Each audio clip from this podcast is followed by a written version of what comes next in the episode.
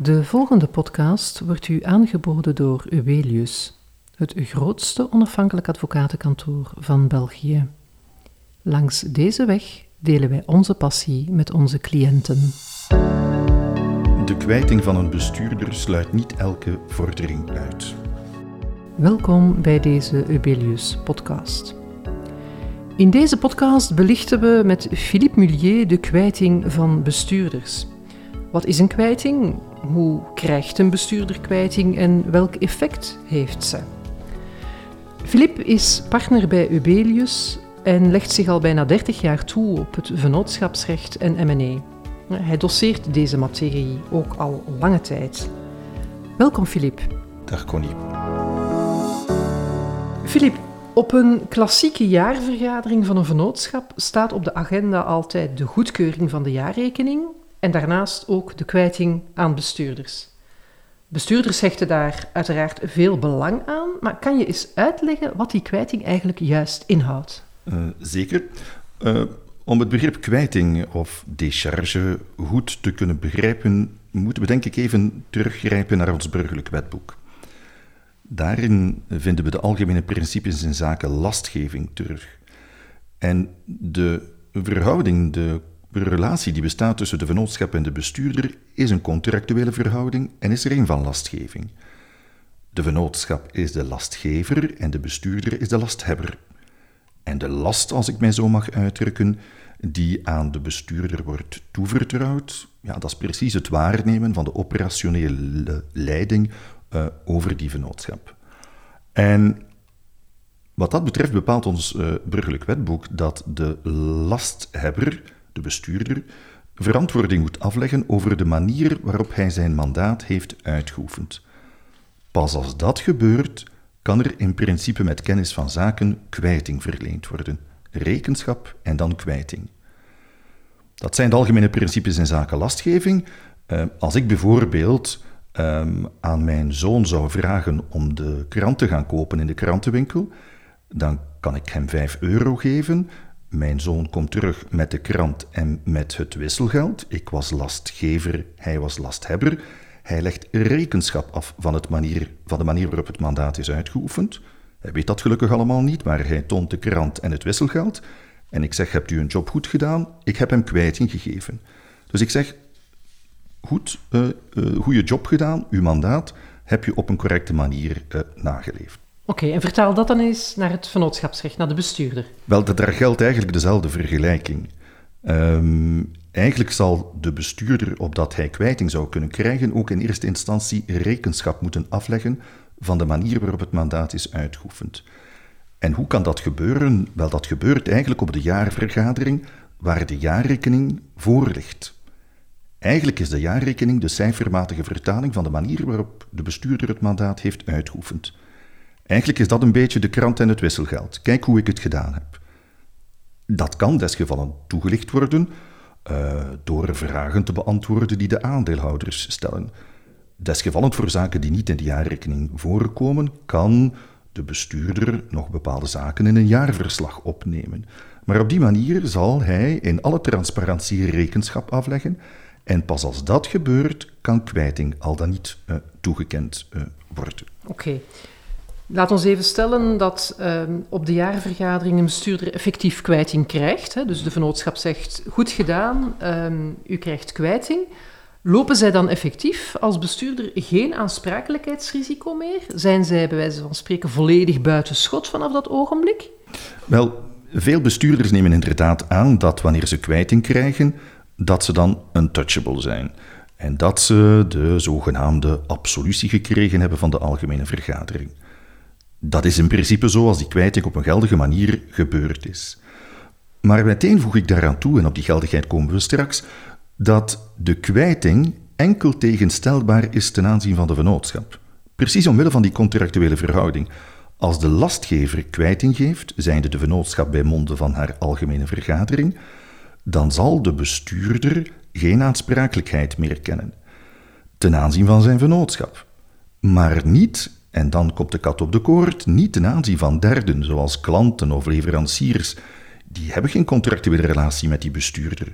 Dus die kwijting, als ik die kwijting als een soort joker mag beschouwen, die joker kan niet worden ingezet tegenover derden. Of om het in juridische termen te zeggen, de kwijting is enkel tegenstelbaar ten aanzien van de vennootschap, maar niet ten aanzien van derden. Het Hof van Cassatie had recent trouwens ook nog de mogelijkheid om dat te onderlijnen. In het geval van een uh, faillissement, de curator komt dan in beeld, die stelt vast dat bestuurders fouten hadden gemaakt. En die worden aangesproken, die bestuurders.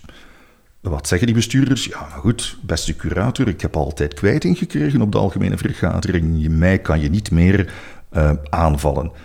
Wel, u zegt die curator, excuus, maar als ik handel in het kader van een faillissement voor de gezamenlijke schuldeisers, voor de boedel, dan kan ik dat wel degelijk. Die gezamenlijke schuldeisers zijn derden en de kwijting is aan derden niet tegenstelbaar. Het Hof van Cassatie heeft, uiteraard zou ik zeggen, het standpunt van uh, de curatelen gevolgd en de bestuurders zijn in die casus effectief nog aansprakelijk gesteld, ongeacht of ondanks het feit uh, dat ze kwijting uh, hadden gekregen van hun algemene vergadering. Oké, dat is duidelijk.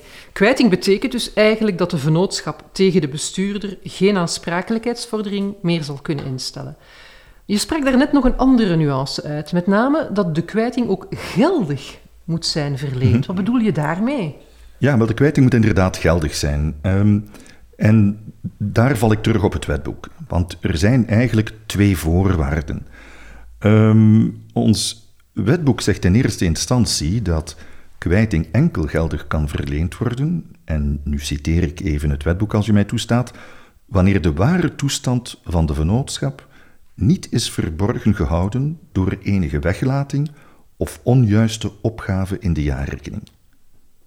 Of omgekeerd uitgedrukt, uw jaarrekening moet een correct beeld geven, anders kunt gij geen juiste kwijting ontvangen, geen geldige kwijting.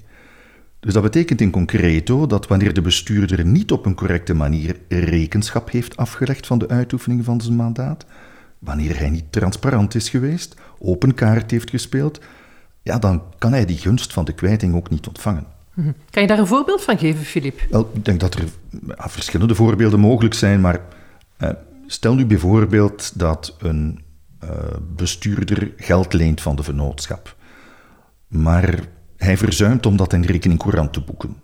Hij verzuimt om daar een boekhoudkundige vertaling aan te geven.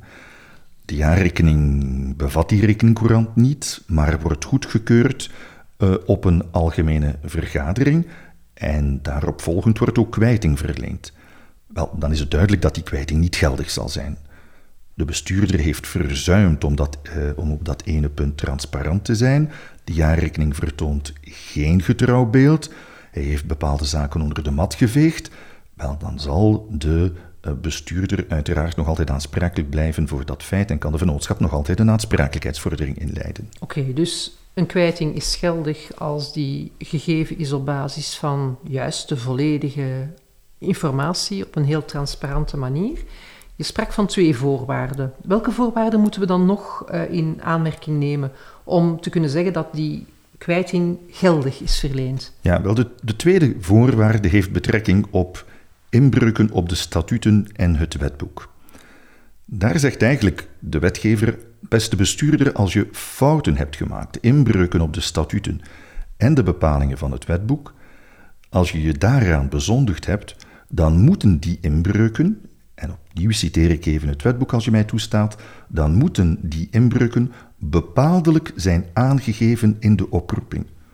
Dat is wat een oud taalgebruik, maar zij moeten bepaaldelijk zijn aangegeven in de oproeping. Dat betekent eigenlijk als bestuurder dat je dus het boetekleed moet aantrekken en expliciet in de oproeping vermelden welke inbreuken er begaan zijn, op het WVV of op de statuten. En pas dan kan er sprake zijn van een geldige kwijting. Ook dat kadert eigenlijk een beetje in die verplichting, niet een beetje, in die verplichting tot transparantie. Of, of om het in katholieke termen nog uit te drukken, uh, men zal eerst te biecht moeten gaan vooraleer de zonde kunnen vergeven worden. Dat is eigenlijk een beetje de conceptuele benadering. Ja, dat was een zijsprongetje. Uh, maar zou je daarvan misschien een voorbeeld kunnen geven, Filip? Ook weer om het, om het eh, inzichtelijk te maken. Ja, ik begrijp dat. Dan wordt het nog duidelijker, denk ik. Hè. Um, stel dat uh, in de statuten is bepaald dat het mandaat van een bestuurder onbezoldigd is. En bestuurders vinden van zichzelf onbezoldigd. Wij zouden eigenlijk ons graag een bezoldiging toekennen van een 1000 euro per maand.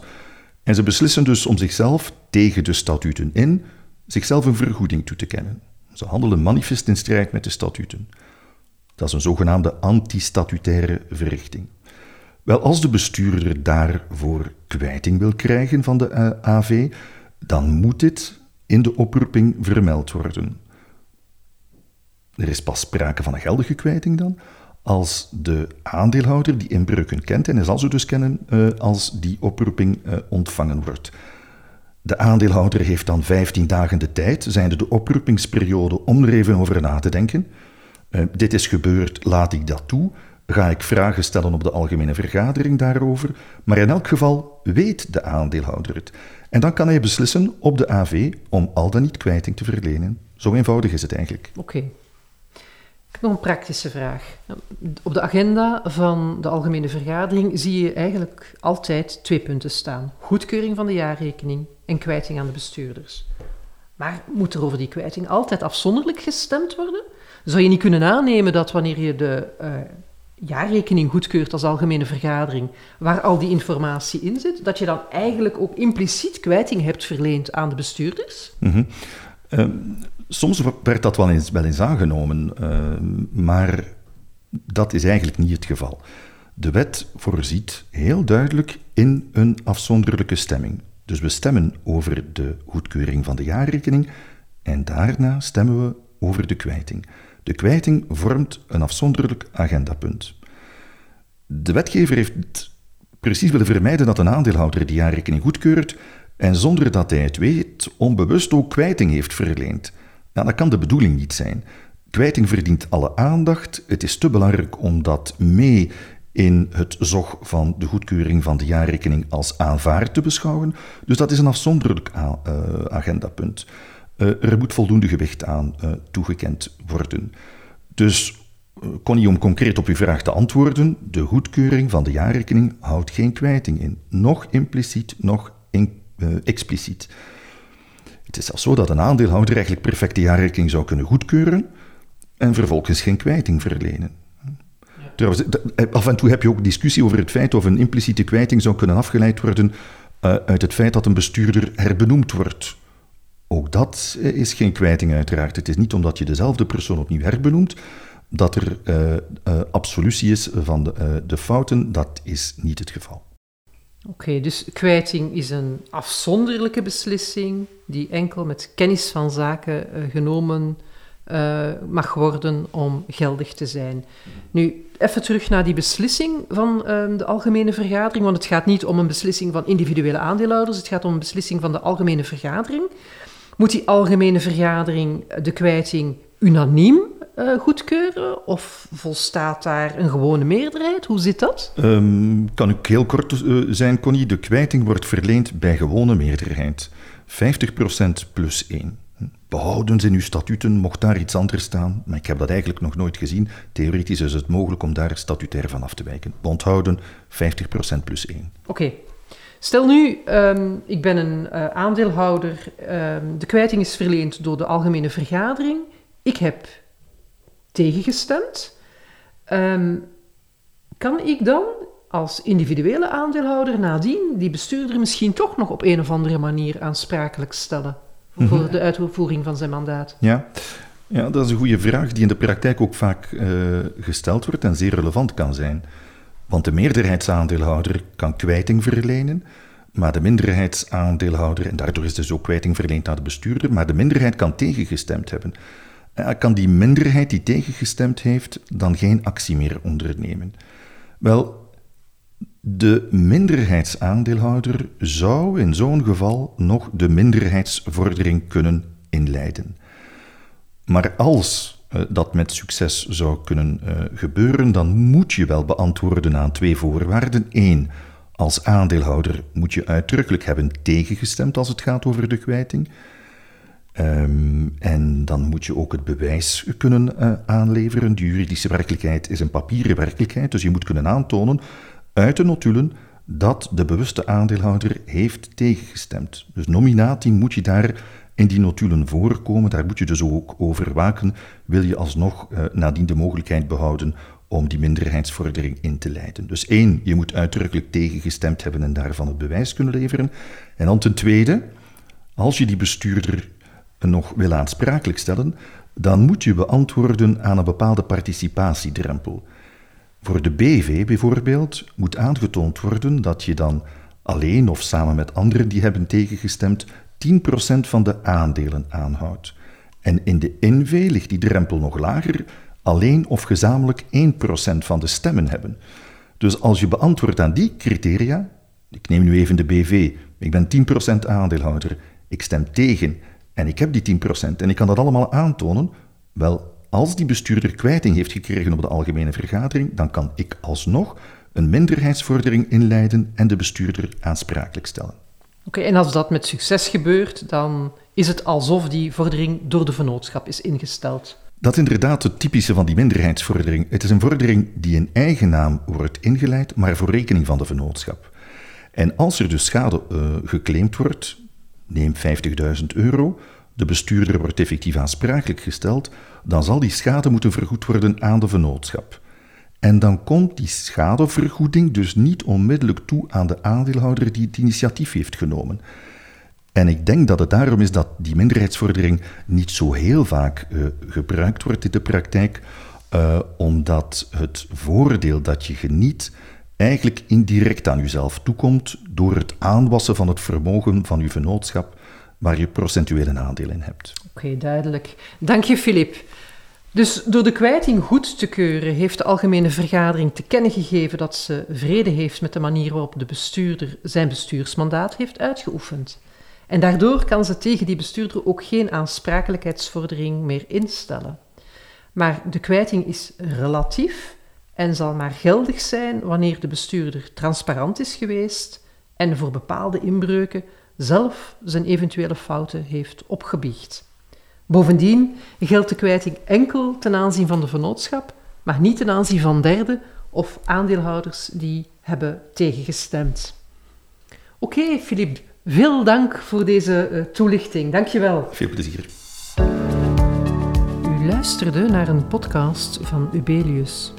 Voor meer informatie kan u terecht op ubelius.com.